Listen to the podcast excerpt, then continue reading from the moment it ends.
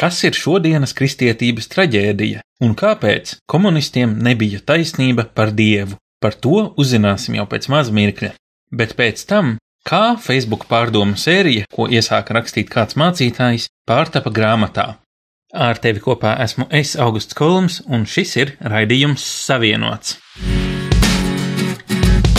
Esi savienots ar mums, Radio Marija raidījumā Savienots. Raidījums sadarbībā ar Kristīgo portālu Tuvumā.CLV. Uzklausām, vērtējam, izpētām un iesakām. Trešdienās, pulksten piecos pēcpusdienā. Esi savienots!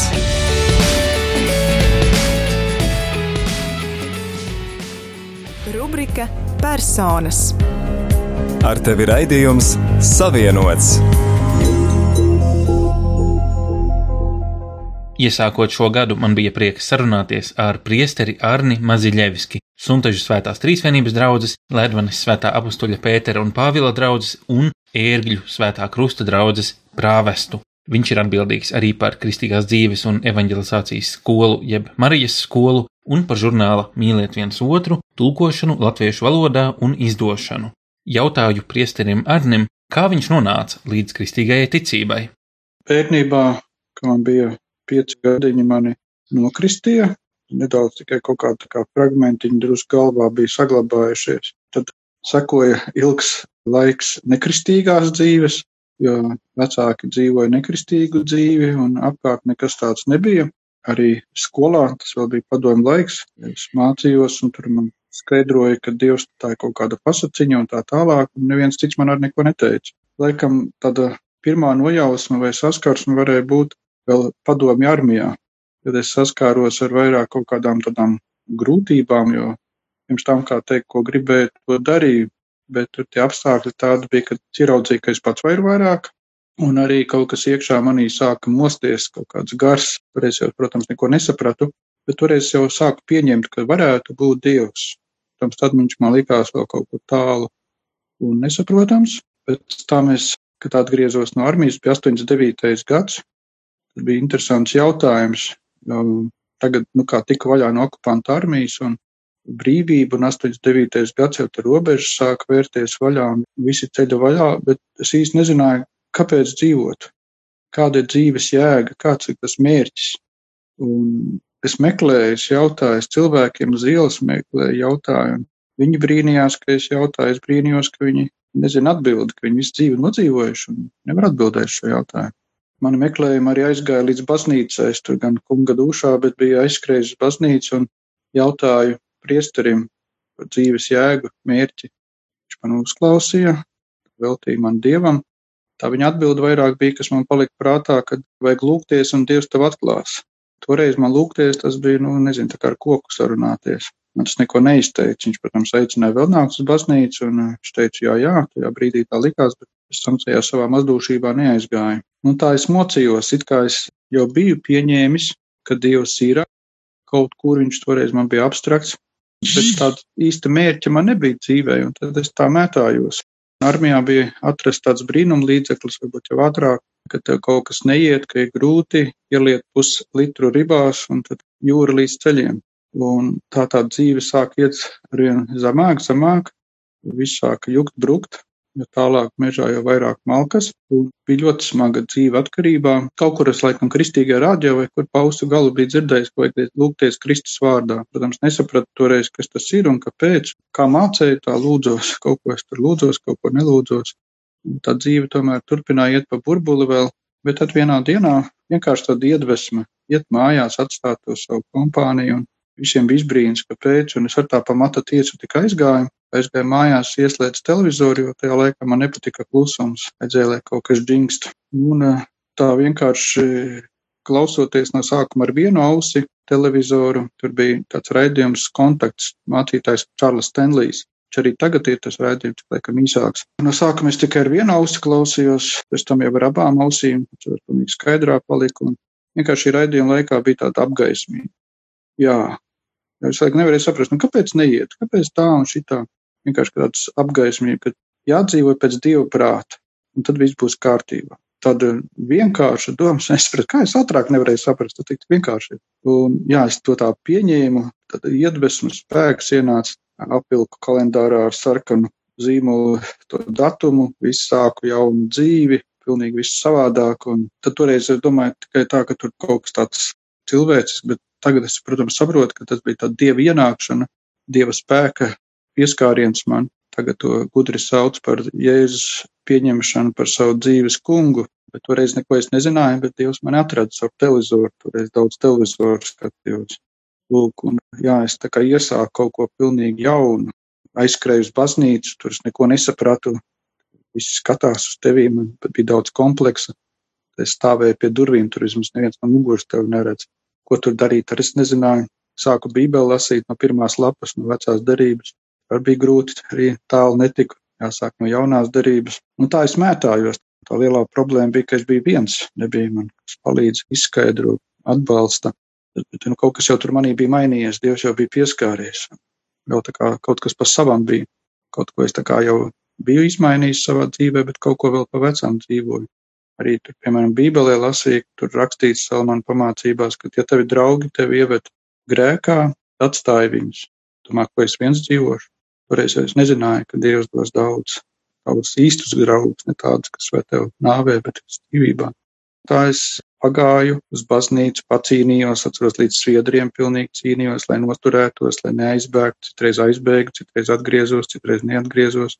Vienkārši tā, nu, pastāvēt tur bija, un pakāpeniski, protams, kaut kur atkritu, aizgāju tālāk. Bet tad bija tāds viens zīmīgs gadījums ļoti kad vienā kārtējā festivālā ienāca ļoti asas sāpes vēderā. Tā kā es nokritu un es sapratu, ka es tūlīt varu nomirt.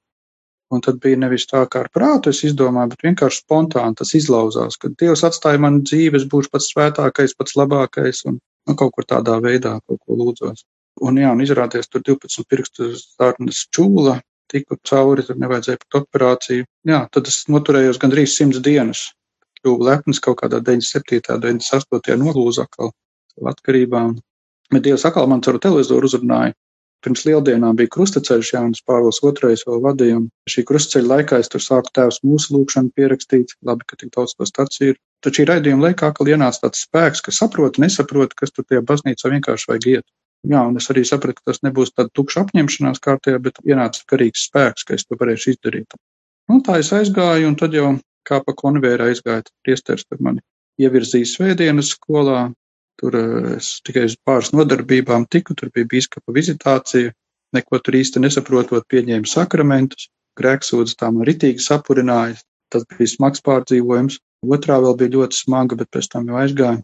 Jā, un tajā dienā nekas īpaši nebija, bet otrā dienā, kad jau es pamodos pēc 1. jūnija, 2. jūnijā, tad viss bija izmainījies. Dievs izmainīja pilni manu sirdi, Es visu ieraudzīju pilnīgi savādāk.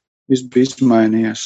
Bija pavisam kaut kas ļoti iekšēji dziļš izmainījies. Cits intereses, cits gars. Te jau es tā kā kļuvu profesionāls, jau skrēju katru dienu uz baznīcu. Tad es tur nokļuvu rekolekcijās pie Dominikāņu tēviem dzīves krustcelēs. Tad vēl vairāk man smadzenes iepravīja. Tur man arī paskaidroja, ka vajag svētceļojumu ar īpašu nodomu. Es arī gāju ar īpašu nodomu. Dievs bija atklājis man jaunu pasauli, kristieši, kas dzīvo pilnīgi savādāk. Sapratu, ka es neko nebum bum domāju tā, ka toreiz viens ir, ka vajadzētu glābt draugus, vajadzētu kā iestāties seminārā, izdomāt kaut kādu baigo metodi, lai visus draugus izglābtu. Vai arī tad man vajag tādu kārtīgu sievu, kas man tādu ritīgi katolieti, kas man vestu katru dienu uz baznīcu, es arī nepaļāvos. Nu, tā interesanti bija. Nu, jā, un tāpēc svētceļojumi arī tā bija, ka Dievs visu sakārtoja. Visi piedāvājumi bija pieejami. Dievs arī deva tādu vadību izvēlēties šo ceļu, iet priesterības ceļu no cilvēka, kurš vēl nu, relatīvi nesen ir bijis meklējumos, un varbūt kādās grūtībās, un nav īsti bijis skaidrs, kā iet tālāk. Un tad viena lieta ir kļūt ticīgam, nākt uz baznīcu, bet pavisam cita lieta ir atdot savu dzīvi Kristum tādā veidā, ka tas kļūst par centrālo dzīves aicinājumu tīri praktiskā un profesionālā veidā, un līdz ar to arī ar visām sekām uz ģimenes dzīvi, kas nāk līdzi cilvēkam, kurš izvēlas kļūt par priesteri. Pastāstiet, kas jūs iedvesmoja tieši kļūt par garīdznieku? Tā mūsdienu arī kristietības traģēdija ir, ka cilvēki īsti nesaprot, ko nozīmē kristīga dzīve. Kā mums tā visa sabiedrības mentalitāte ir tāda patērētāja mentalitāte. Bieži cilvēki nākot pie Dieva, viņi paliek tajā vecajā mentalitātē un dzīvo ar tādu patērētāju domu, o, cik labi, ka ir Dievs, viņš man to iedos, viņš man tur palīdzēs. Bet tas īstenībā nozīmē palikt tādos pamperos. Tas nozīmē neaugt. Mazi bērni ir tie, kas tikai ņem, ņem, ņem. Bet tā īstā mīlestība, tā īstā dzīvība ir, tad ir jau, ka tu dod, ka tu sevi atdod. Nevis tu no Dieva pieprasi, bet tu atdod sevi Dievam. Un tas jau īstenībā ir tāds īsts kristietis, kas ir veltījis sevi Dievam.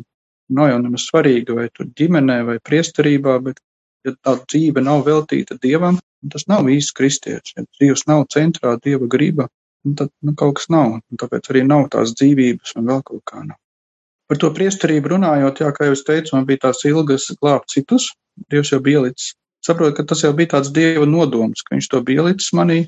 Vēl bija interesanti, ka es redzēju, satiku vienu priesteri tajās rekolekcijās, kuras minēja Jurija Linski, viņš jau tikko jauns priesteris bija, es viņā ieraudzīju, ka viņā ir kaut kāda īpaša gaisma, kaut kāds starojums, nezinu, kā to nosaukt, varētu tā dzīvīgums. Es tā padomāju, o, man ar to vajadzētu, ar to gribētu. Dievs man kaut kā laikam tajā brīdī kārdinājis, vēl tāds pavisam zaļš biju. Es saprotu, ka visos kristiešos, nu, kas ir normāli kristieši, tiem jābūt, tam ir tā dzīvība iekšā, tā Dieva gara klātbūtne. Dievs zināja, kā ar mani tik galā, ja es būtu sēdējis mājā un domājis par to, kā un ko es vēl būtu ilgi domājis. Bet mums bija tāds priesteris ļoti vienkāršs pauskā, kur es biju Pēters Kredels, vienkārši lauka puisis, var teikt. Viņam bija citas metodas. Es, kad pēc svētceļojuma atbraucu, es svētceļojums beidzās 15. augustā, 18. augustā Es ierados kā parasti no rīta uz misiju, jo Dievs man mācīja, jo, ja es vakarā gāju, līdz vakaram tā diena tāda nestabila bija. No rīta aizēja, kaut gribējās gulēt, tā viss aizgāja kā vajag. Man tāds tā no rīta ierodos, un viņš saka, šodien brauksim iestāties seminārā. es uzreiz pamodos, tā viņš man aizved uz semināru, un Mēs uz Volgas kapatu uzrakstījām iesniegumu, aizgājām tur visi sēž tādos uzvalciņos, skaisti ar slipsītēm, es tikko no rīta pamodies vienā krekliņā, nu, tāda romantisks piedzīvojums bija. Es no vienas puses gribēju glābt vēseles un ko, bet nu, es nejūtos cienīgi, ka es tur varu priesteris un vēl kaut ko, bet es domāju, nu jā, priesteris uzņemās atbildību, nu tad uz priekšu. Tur pieņēma mani viņi. Tas bija tā interesanti. Es no sākuma sapratu, ka vienkārši Dievs grib, lai es būtu seminārā. Tad tur man bija, nu, normāli cilvēki iet uz svētdienas skolu. Es uzreiz semināru. Svētdienas skolā man bija tik divas nodarbības. Un tad es tur daudz ko ieguvu, tādu garīgu formāciju. Un es atceros, ka man ik pēc divām nedēļām mainījās domāšana. Tā pilnīgi apjauta, ka es pēc divām nedēļām jau esmu savādāk. Pilnīgi no tādas citas pasaules tika izrauts. Man bija tūkstots jautājumus, viņas pierakstīja, es gāju pie viena, pie otra jautājumu. Un tā es gāju uz priekšu, tā Dievs madīja. Un tad jau, kad pienāca diakonāta svētības, tas pieci gadi, man likās sākumā vispār tie pieci gadi, tas tā kā mūžība, bet viņi pagāja ļoti ātri, un tad jau bija jāpieņem lēmums. Par tiem pieciem gadiem jau es tā kā man tāda skaidrība daudz maz bija, kas tas ir un kā tas būs. Vienīgais šķērslis, var teikt, varētu būt, ka, nu, vai tā ir Dieva griba. Es nebiju drošs par to. Un tā es lūdzu Dievam, viņš man deva tādas trīs rekolekcijas pēc kārtas, trīs nedēļas nogalas. Tad jau pēc vienām es neatceros, kurām jau braucu atpakaļ, es atceros, ka jau bija tāda drošība. Nu, tad arī bija tāds kā medus mēnesis pēc tām svētībām, arī pēc priestrības svētībām, apstiprinājums, iedrošinājums, un tagad jau 19 gadi būs jūnijā. Man palika prātā tas, ko jūs sacījāt, ka padomju laikā, kurā jūs uzaugāt un gājāt skolā, ka tur bija priekšstats, ka Dievs ir tikai pasaciņa un tā tālāk. Pirms pāris gadiem vienam rakstam es pētīju statistiku par kristietību Eiropā un Latvijā tieši, un es atradu pētījumu firma Pew Research, Viņi ir izpētījuši, ka Eiropā ir no 2010. līdz 2020. gadam kristiešu skaits samazinājies gandrīz par 20 miljoniem, Latvijā par 100 tūkstošiem, un tikai 10% Latvijas iedzīvotāji saka, ka reliģija ir ļoti svarīga viņu dzīvēs, 16% iet uz dievkalpojumu vismaz reizi mēnesī, 17% apgalvo, ka lūdz dievu katru dienu. Nu, man šķiet skumīgi cipari, un viņi kļūst sliktāki. Gribēju jautāt, kāpēc tieši jūs, kāpēc jūs negājāt līdzi lielajai plūsmai? Kas notiek ar pārējiem, vai viņi to nav dzirdējuši? Kāpēc tieši man ir Dievs? Es domāju, ka Dievam patīk izvēlēties kaut ko mazu. Es biju pavisam pagrimis jau tu nāvei, neizglītots, neaptēsts. Dievs, viņam nevajag kaut kādus super instrumentus. Svarīgs ir Dievs, to, ko Dievs dara. Es domāju, tāpēc Dievs aicināja, bet kas ar citiem ir? Es domāju, ka tā galvenā traģēdija ir eh, tieši kristietībā. Redziet, kristietība Eiropā pārdzīvo ļoti tādu nu, smagu krīzi, slimību, varētu teikt. Nu, padomu laikos komunisti neļāva. 30 gadi ir pagājuši, 30 gadus jau ļauj, bet nekas nemainās, vai nevar būt pat sliktāk vēl paliek. Kristietība Eiropā, es nesaku pasaulē, bet Eiropā, viņa nav vairs tik dzīva, kādai viņai jābūt. Nav tāda patiesa, ir formāla, ļoti daudz formālas kristietības. Mēs dzīvojam materiālismu ērā. Bija tā komunistu materiālisti, ja komunisti, kas bija, ka tie teica, ka visa materiālā būs gana, tad visi būs laimīgi. Tagad komunisti aizgāja, domāšana palika. Arī tagad cilvēki to materiālo liek pirmajā vietā. Ārējais, redzamais, taustāmais. Ja, bet kristietībā nav tas svarīgākais, tas ir pats mazākais. Svarīgākais ir dzīvais dievs, kontakts ar dzīvo dievu, un tas ir pazaudēts. Ir tradīcija, ir kaut kas, ko dara cilvēki, kaut kāda rituāla, ko veids, pienākumi, ko dara, padās vairāk pēc prāta, pēc likuma, bet nevis pēc dzīvā dieva. Kad Jēzus Kristus bija šeit uz zemes, tad viņam visasākie strīdi bija tieši ar farizējiem. Tieši tiem, kas ļoti bija reliģiozi cilvēki, kas ļoti daudz pievērs uzmanību, lai ārēji tas izskatītos viss pareizi. Bet viņos sirdīs nebija dzīvā dieva, nebija dzīva attiecība. Jēzus ļoti asar viņam runā. Viņš pat tur prostitūtām piedeva un ļoti daudziem noziedzniekiem piedeva, ja tur pieņēma, tur apsēstos, atbrīvoja, bet pret šiem viņš bija ļoti ass. Un tā traģēdija ir tāda pati arī tagad. Es nesaku, ka tas ir simtprocentīga traģēdija, ja? bet tā nu, tāda problēma, ka ir tas ārējais, tas formālais, bet tā iekšējā dzīvība ir kaut kur nu, nozaudēta. Viņa ir, bet viņa nav pietiekami liela, lai dotu citiem dzīvību, lai citi saņemtu. Tā kā, ja cilvēka organismu salīdzina, tad saka, ka 80-gadīgs cilvēks, kas tā, nu, pārvietojās, kaut ko dara, bet nav spējīgs iet strādāt tā pa īstam darboties. Kas būtu vajadzīgs, lai kristietība piedzīvotu kaut kādu atzimšanu Eiropā? Vai mums kā sabiedrībai varbūt jāsasniedz šis zemais punkts, kuru jūs personīgi piedzīvojāt savā dzīvē, kurā jūs iepazināt Kristu? Vai tas mums ir jāpiedzīvo kā sabiedrībai? Viens ir tas, redziet, ir jau tā dzīvā baznīca, bet nevienmēr viņu pieņem un ne visi viņu grib. Katoliskajā baznīcā to sauc par harizmātisku atjaunotni kas iet plašumā, bet, nu, ja tā ņem uz visu baznīcu procentos, viņa aug, bet nav vēl, nu, nav sasniegusi, teiksim, 50%, viņa tur kaut kur daudz mazāk vēl ir. Bet tas nav tikai katoliski, tas ir visās konfesijās. Tas ir pilnīgi visās konfesijās. Tas nav tikai vienas kaut kādas konfesijas problēma. Tā ir tāda vispasaules problēma. Un ir vietas pasaulē, kur ir ļoti dzīva baznīca, piemēram, Dienvidkoreja, Filipīnās, Āfrikas zemēs dažās ir. Redziet, tā kā apstuļu laikā viņi saņēma un viņi nodeva tālāk. Ja mums vajag tos, kuriem ir, lai no viņiem saņemtu tālāk. Bet arī, nu, viens jau arī vai grib cilvēki. Ja?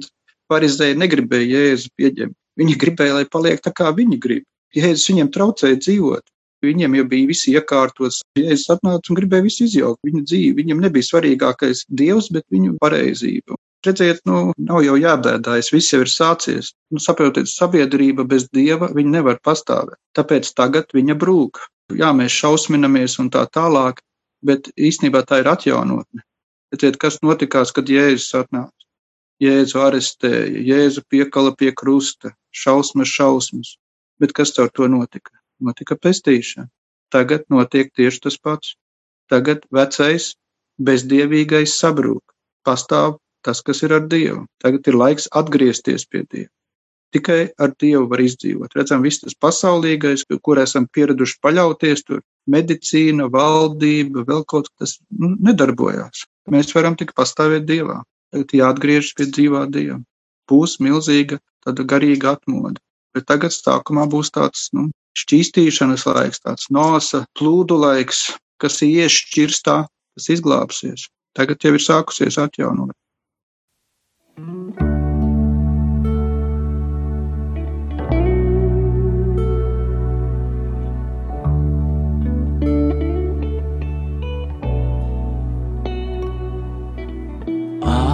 Acīs augšu paceļu.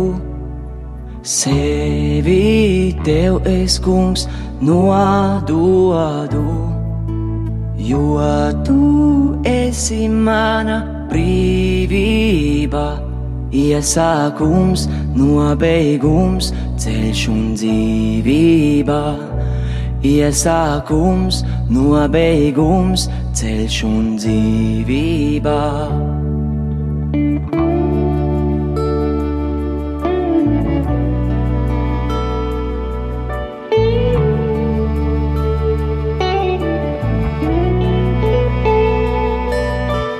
Acīs augšu paceļu sevi tev es, kungs, nododu, jo tu esi mana brīvība iesākums, nobeigums, ceļš un dzīvība. Iesākums, nobeigums, ceļš un dzīvība. Tik uz tevi vien, tik uz tevi vien, Jēzu. Manas acis ir tik uz tevi vien, Jēzu. Tik uz tevi vien, tik uz tevi vien, Jēzu.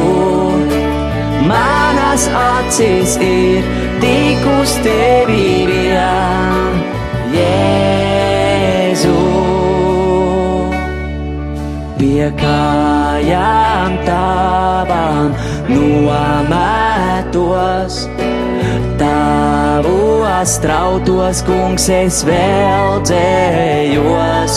Tavs vārds kā uguns manā sirdī deg, spēku dod paļauties man uz tevi, Dievs. Spēku dod paļauties man uz tevi, Dievs. Tik uz tevi vien, tik uz tevi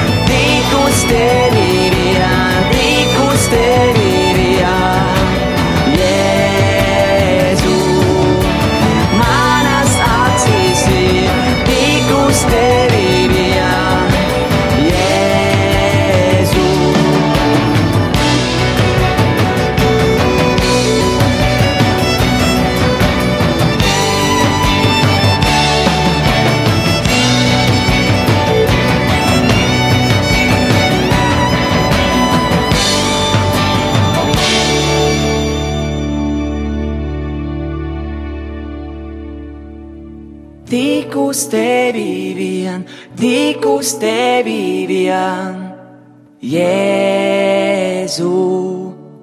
Manas acis ir tik uz tevi vien, Jēzu. Šī bija saruna ar priesteri Arni Maziļevski, Suntažu svētās Rīsvienības draudzes, Ledvanes svētā apustuļa Pētera un Pāvila draudzes un Ērgļu svētā krusta draudzes prāvestu. Rubrika Iesakām. Ar tevi raidījums Savienots. Decembrī uz sarunu aicināju Rīgas Agenskalna Baptistu draugas mācītāju Edgars Maži. Sarunājāmies tikai dažas dienas pirms viņa pirmās grāmatas iznākšanas. Lūdzu, lai mācītājs pastāsta, kā šo grāmatu sauc un kur to varēs iegādāties. Grāmatas nosaukums ir Miera piestātne. Droši vien, ka šo grāmatu varēs iegādāties grāmatveikalā Amnis, arī, es domāju, Lutāņu veikalā Ihtis un uh, arī Mieram tuvu. Un uh, tā bāzes vieta šīs grāmatas izpārdošanai būs Agenskalna draudze. Un, uh, ja cilvēki vēlēsies, mēs arī izsūtīsim ar Omniju pakomātu šo grāmatu uz kādām tālākām vietām. Kas tevi motivēja uzrakstīt grāmatu? Īstenībā manī nemaz tāda milzīga motivācija nebija. Tas bija mūsu draugs loceklis Girts Balodis, kurš teica, ka šīm Facebook rīta piezīmēm ir jātop ieliktām grāmatas vākos. Un tā kā es rakstu šīs pārdomas ar maziem pārtraukumiem no pagājušā gada 12. marta, tad tas materiāls līdz šī gada jūlija vidum jau bija sakrājies tā, ka to varēja ielikt arī grāmatā. Galvenokārt tāpēc, ka es domāju, ka tā ir vēsture, tās ir manas pārdomas par Dievu vārdu izjūtas, ejot cauri šim pandēmijas laikam. Tā nav gada grāmata, kas sāks ar 1. janvāru un beidzas ar 31. decembri. Šo grāmatu var sākt lasīt jebkurā laikā. Un es teiktu, ka nu, es atradu sev šo veidu, kā konspektīvi līdz 200 vārdiem ielikt dievu vārda tekstu. Pārsvarā tie ir lozungi, brāļu draugu lozunga teksti. Nu, ja kaut kāda iemesla dēļ šie lozungi manī tā īsti netrāpa, tad tie ir arī kādi bībeles panti, kas ir saistīti ar lasījumiem, ko es lasu pats. Kas bija tas impulss, kas motivēja sākt šo nu, paradumu, tradīciju, kā to nosaukt? Sākumā tā bija vienkārši vēlme cilvēkus iedrošināt. Tas bija tas mans galvenais mērķis, zinot, ka šis pandēmijas laiks ir tik ļoti samudžināts, ka cilvēki kaut kādā veidā ir tikuši gan iebaidīti, gan dzīvoja neziņā. Tie pirmie mēneši bija ļoti sarežģīti. Un tad man bija tā izjūta, nu, tad varbūt kļūst vieglāk, nu, tad liksim punktu. Tad mēs paņēmām atvaļinājumu no jūlija vidus līdz septembra sākumam pagājušajā gadā, un es sapratu, nē, es gribu turpināt, jo pirmkārt es redzu, ka daudzi cilvēki šīs pārdomas lasa un pat nošēro. Tie, kas tos laikus spiež, tie iespējams varbūt pat ir mazākā daļa, kas lasa. Šodienas cilvēku ir ļoti grūti motivēt lasīt kaut ko garu. Nu tā, ka, teiksim, ja es tur rakstītu tādus garus palāgus katru rītu, tad vai līdz beigām tiktu cilvēki. Tas 200 vārdu formāts ir perfekts, Tas nenozīmē, ka šīs pārdomas ir noslēgtas. Tur vienmēr paliek kādi jautājumi, ko cilvēks var domāt dienas gaitā. Un kā man dažreiz cilvēki saka, ir reizes, kad tas viņus arī uzrunā. Jā, tas ir. Es domāju, ka kaut vai ja vienu cilvēku tā rīta pārdomu uzrunā, tad ir vērts to turpināt. Un es to turpinu darīt joprojām. Un nezinu, kad es likšu punktu, kamēr ir tāda svētā gara iedvesma, un kā mani amatbrāļi saka, un es arī pats to saprotu, ka tā ir kā dāvana no Dieva, kas man ir dota, un es šo dāvanu negribu turēt zem pūra, bet es gribu to lietot Dievam, Dieva godam un cilvēkiem par svētību. Un cik daudz laika tu apmēram pavadi katru rītu rakstot šīs pārdomas? Es tā spriežu, nu, tev jau kā mācītājiem jāuzraksta, ir svētdienas, svētdienas dievkalpojumam, varbūt kaut kas arī nedēļas vidū jāsagatavo un tad vēl katru rītu atrast kādu jaunu ideju un to ietērpt šajā 200 vārdu formātā, tas varētu arī nebūt sevišķi viegli. Es esmu viens no tiem retajiem mācītājiem, kurš raksta svētrunas savas. Es viņus uzrakstu no A līdz Z, jā, no sākuma līdz beigām. Tas nenozīmē, ka es viņus lasu. Es patiesībā nelasu savus svētrunas, bet rakstot, man ir divi svarīgi momenti. Viens ir tas, ka es varu skaidrāk redzēt, kāda būs mana svētrunas struktūra. Līdz ar to sludinot kancelē man nav daudz jālaist ūdens. Līdz ar to es varu sludināt koncentrētāk to rakstu vietu. Otra lieta, kā es dažreiz saku, ir, ka man patīk pierakstīt, ka, ja gadījumā es sprediķa laikā nomirstu, tad kāds var nākt un pabeigt sprediķi. ja, kad, kad, nu, nezinu, vai kāds būs spējīgs to darīt, bet principā konspekts būs priekšā un varēs pabeigt, viss būs uzrakstīts. Ja par šīm rīta pārdomām, tad es domāju, tas laiks apmēram ir līdz pusstundai. Es tiešām, es gribētu teikt, ka es vairāk sekoju dieva vārda impulsam, kas man ir, un es to uzrakstu. Un es zinu, ka es kaut kad sākuma posmā es pat skatījos, cik ir vārdu un vai nevajag pierakstīt kādu teikumu klāt. No šī gada septembra es pat pārgāju uz kaut kādiem 150 vārdiem. Man pat šķita, ka ir ok pat ar 150, jā, jo visu nekad nevar pateikt. Tagad pēdējās nedēļās ir kaut kas jauns nācis klāt. Es lieku klāt arī kādas atsauces rakstiem, ja es kaut ko minu no Bībeles, tad varbūt pieliek arī rakstu vietu. Un ir kādi cilvēki, kas teikuši, ka tas ir ļoti labi, jo tas viņus mudina pašus meklēt Dievu vārdu. Es teiktu, ka tas neaizņem ļoti daudz laika. Tas drīzāk ir jautājums par to, vai tas teksts man trāpa.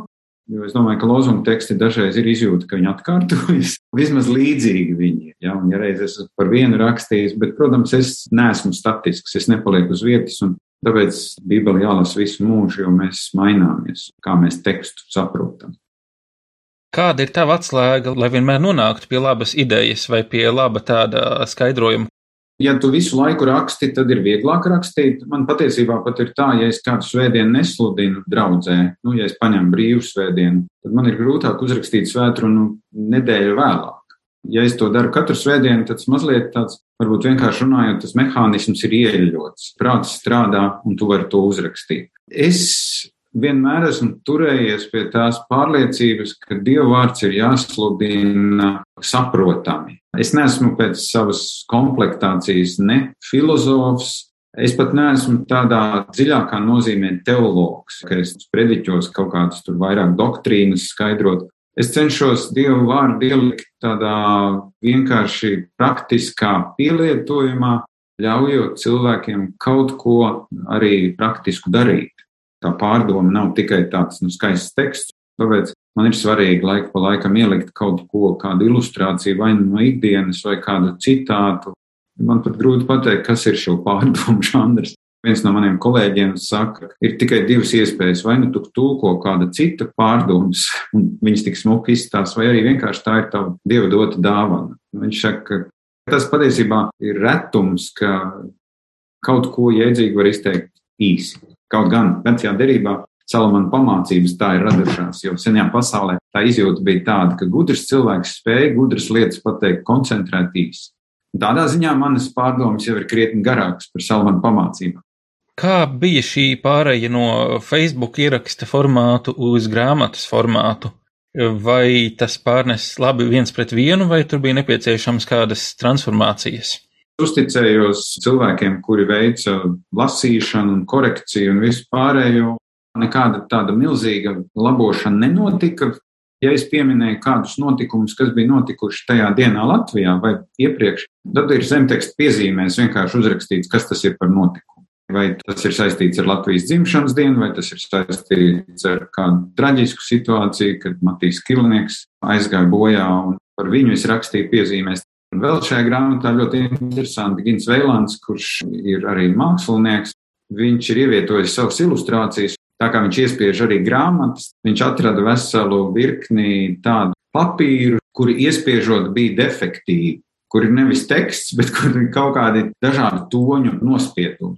Un viņš ir ielicis šīs ilustrācijas arī grāmatā, kur blakus ir arī kādi domu graudi. Tā kā kaut kādā ziņā tas ir arī tāds kopdarbs ar Gintu Vēlandu. Un skatoties uz to, kā tev tavā Facebookā izskatās šie ieraksti vienmēr, tur var redzēt, ka ir gana daudz cilvēku, kas lasa, kas izrāda interesi. Kāda ir tava auditorija šeit, un vai tas sākotnējais priekšstats atbilst tam, kā tas izvērtās praksē? Man nebija nekādu uzstādījumu, kad es sāku rakstīt. Nu, ir dienas, kad var just, ka cilvēki ir vairāk uzrunāti, nu, vismaz pēc tiem laikiem, ja tā var skatīties, bet tas arī man liekas ļoti nosacīti. Tad ir dienas, kad liekas, ka, jā, ir izlasījuši, ir ok, bet nu, tā varbūt nu, tur, tur vaigo laiku nav jāliek.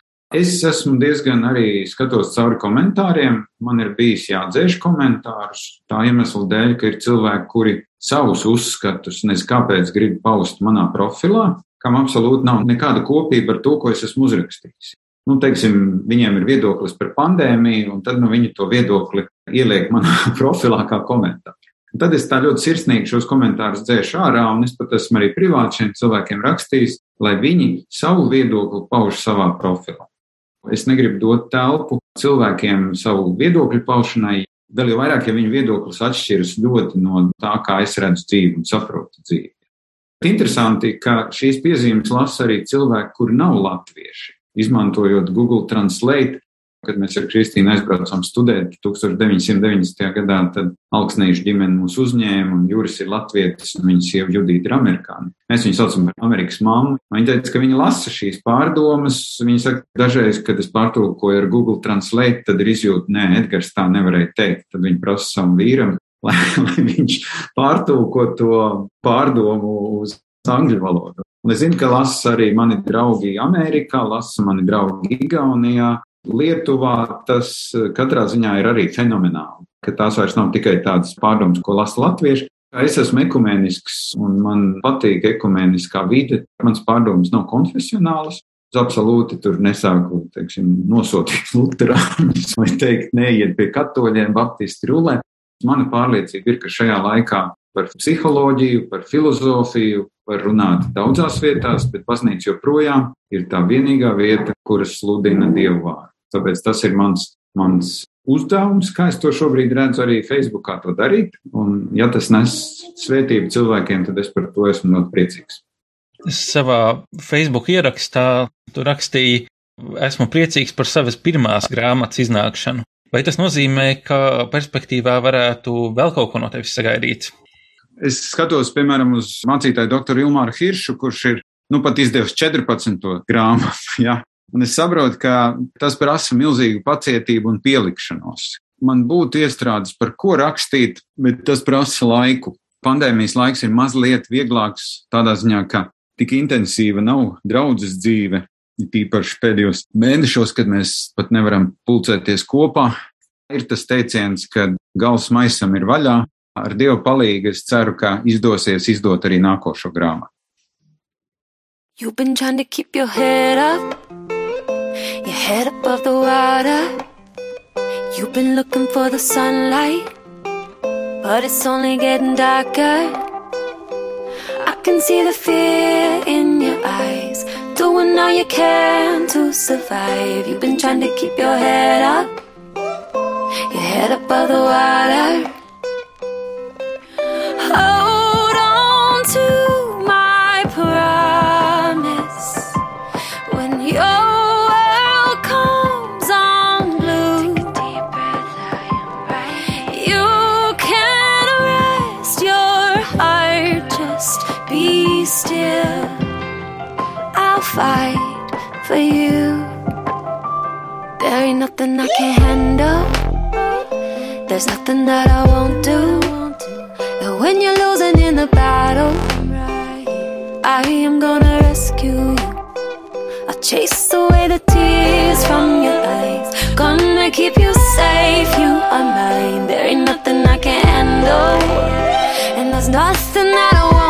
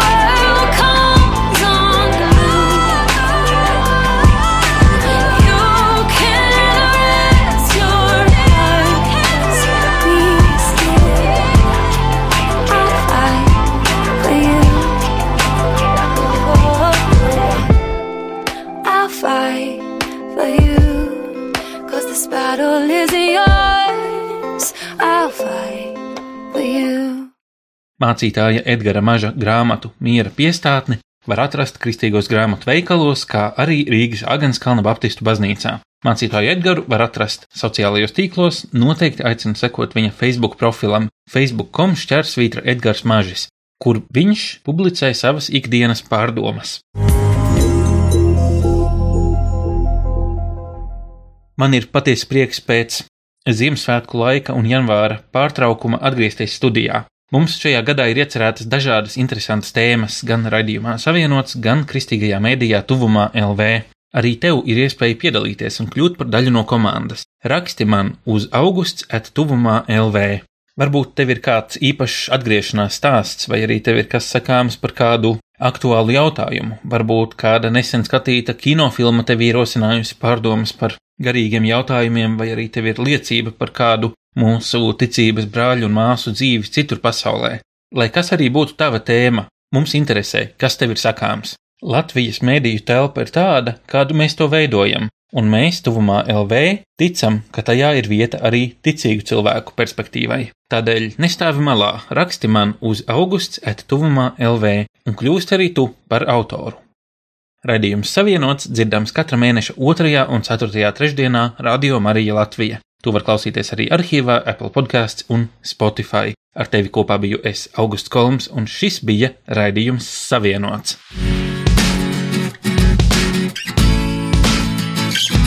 Tu klausījies raidījumu Savienots. Būsim atkal ēterā trešdien, pulksten piecos pēcpusdienā. Klausies mūsu radio Marija un lasi kristīgo portālu tuvumā.lv. Esi savienots!